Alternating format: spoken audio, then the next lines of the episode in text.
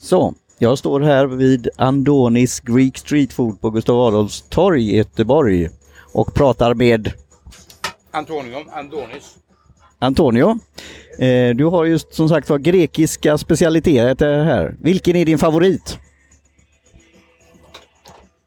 Alla är mina favoriter. Och du sa här eh, när du var en kund här innan frågade vad det var om du ville ha lite stark krydda.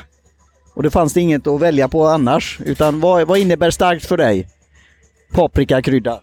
Vad sa du? En gång till. Jo, Det är starka. Eh, Det fanns inte att välja på utan det var det som gäller. Och vad innebär starkt på grekiskt sätt?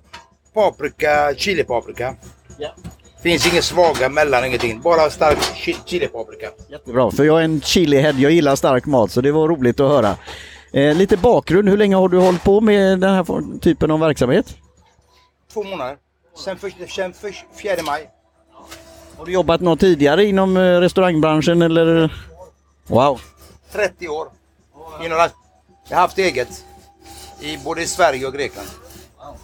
Jättekul! Eh, hur har det varit här nu under den här eh, sommarperioden hittills? Mycket bra. Det funkar jättebra. Jättebra! Och hur eh, marknadsför ni? Hur når ni ut här för att eh, folk ska komma? Ingenting. Vi ställer oss på en plats så kommer folket. Man behöver inte marknadsföra. Man har en sida. De som följer en de kan veta var man är någonstans. De ser en så kommer de fram till en. Enkelt. Ni har på Facebook bland annat, du kan eh, vad heter, nämna er sida där. Vad heter ni där? Antonis Greek Street Food. Och Finns ni på några andra ställen? Instagram eller något sånt? Nej. Utan det... Inte än så länge. Nej.